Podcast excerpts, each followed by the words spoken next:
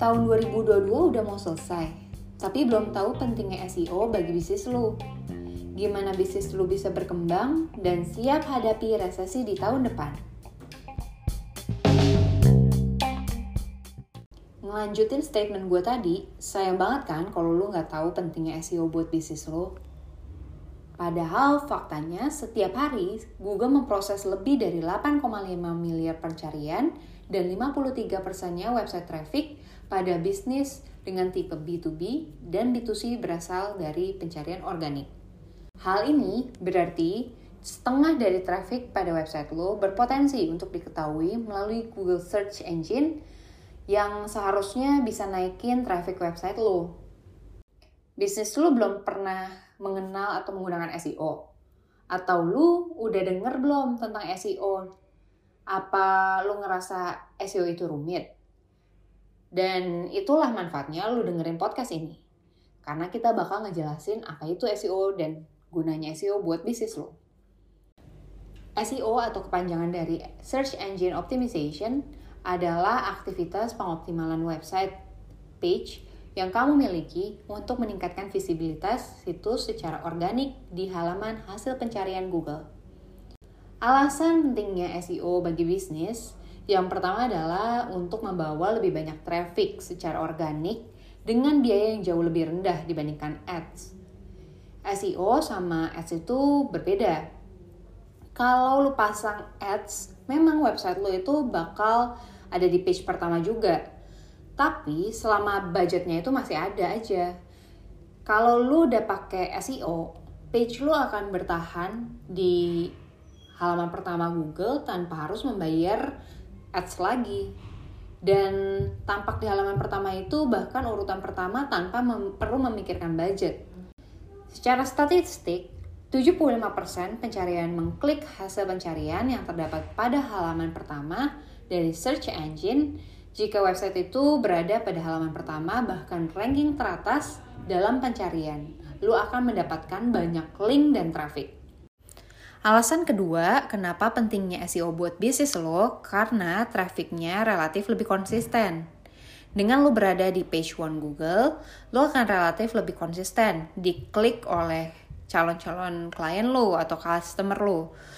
Contohnya aja Prodi Ohi, klien kami yang menggunakan jasa SEO dari Melon Branding, di mana dalam pencarian 5 keywordnya, website Prodia Ohi sudah berada di page 1 Google selama berbulan-bulan. Alasan ketiga kenapa lo butuh SEO buat bisnis lo karena pentingnya return on investment. Dengan menggunakan SEO yang tepat, maka return on investment lo jauh lebih tinggi daripada pemasaran lainnya.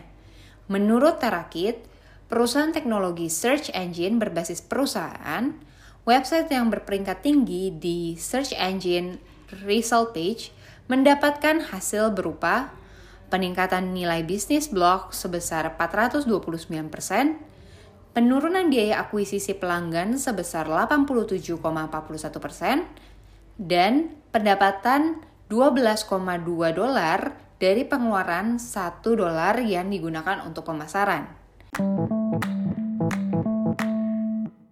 Gimana? Udah jadi lebih paham kan pentingnya SEO buat bisnis lo?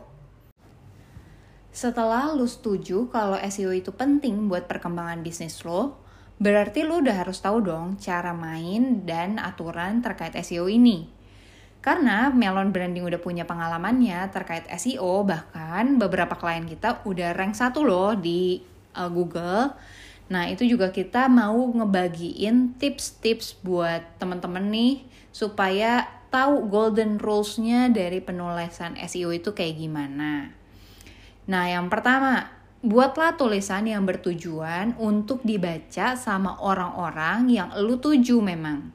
Misalnya, lo harus tahu dulu nih karakter dari pembaca lo. Mulai dari tingkat pendidikannya, kondisi ekonominya, lokasi di mana, dan punya interest apa sih atau hobi mereka sehari-hari tuh ngapain.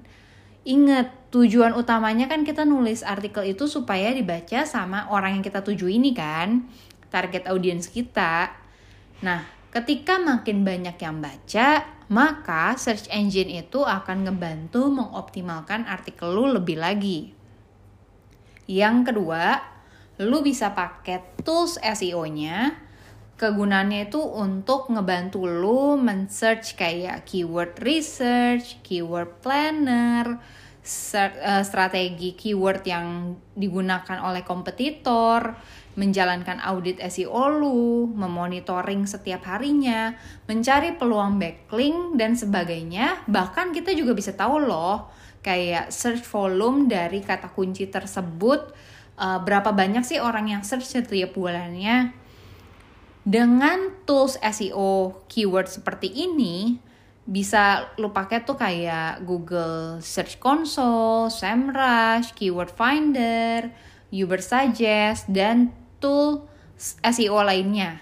Kalau yang kita tahu sih itu ya, yang kita pakai juga juga uh, kayak SEMrush sama Google Search Console gitu. Uh, itu sih bagus-bagus banget dan kalau yang mau worth it itu bisa pakai Uber Suggest karena harganya juga terja uh, lumayan terjangkau, nggak terlalu mahal dan uh, fitur-fiturnya cukup lengkap. Untuk mencari tahu tentang kegunaan SEO tools yang lo pakai, sesuaikan dengan kebutuhan bisnis lo dan juga budgetnya. Yang tadi gue bilang ya, ada yang mahal banget sampai ada yang terjangkau.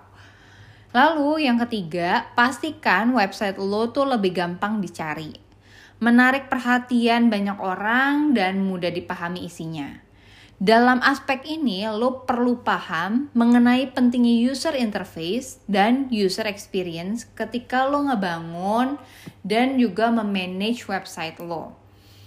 Pastikan website lo itu mobile friendly dan responsive design. Karena banyak orang sekarang yang melakukan pencariannya lewat handphone.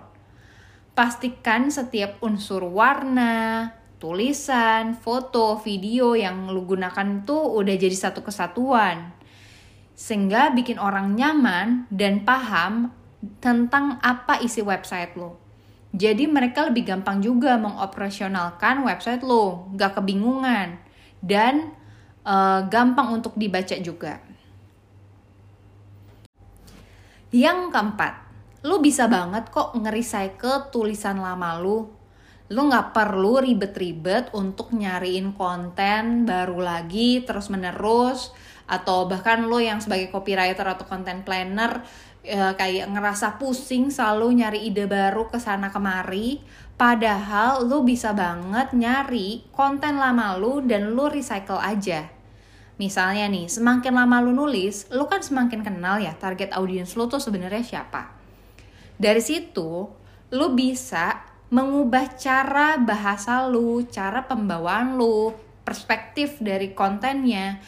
Lu ubah aja, lu twist dikit supaya lebih uh, ngena atau lebih relate sama target audiens lo yang sekarang.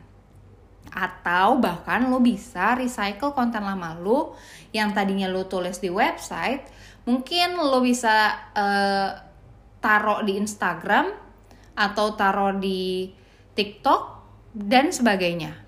Bisa juga dibalik yang tadinya lu bikin kontennya buat Instagram, TikTok, atau podcast, lu jadiin aja konten itu untuk artikel SEO website lu.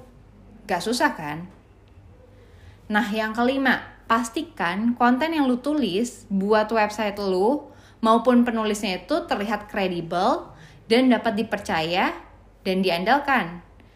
Kalau website lo ngomongin bisnis kesehatan, wajib hukumnya lu punya atau bacalah jurnal kesehatan.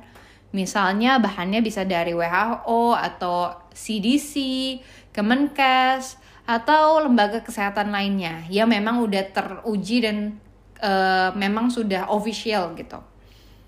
Dalam aspek ini, pastikan kalau orang yang bikin tulisannya itu suka riset dan bukan ngarang bebas karena bisa dianggap hoax loh.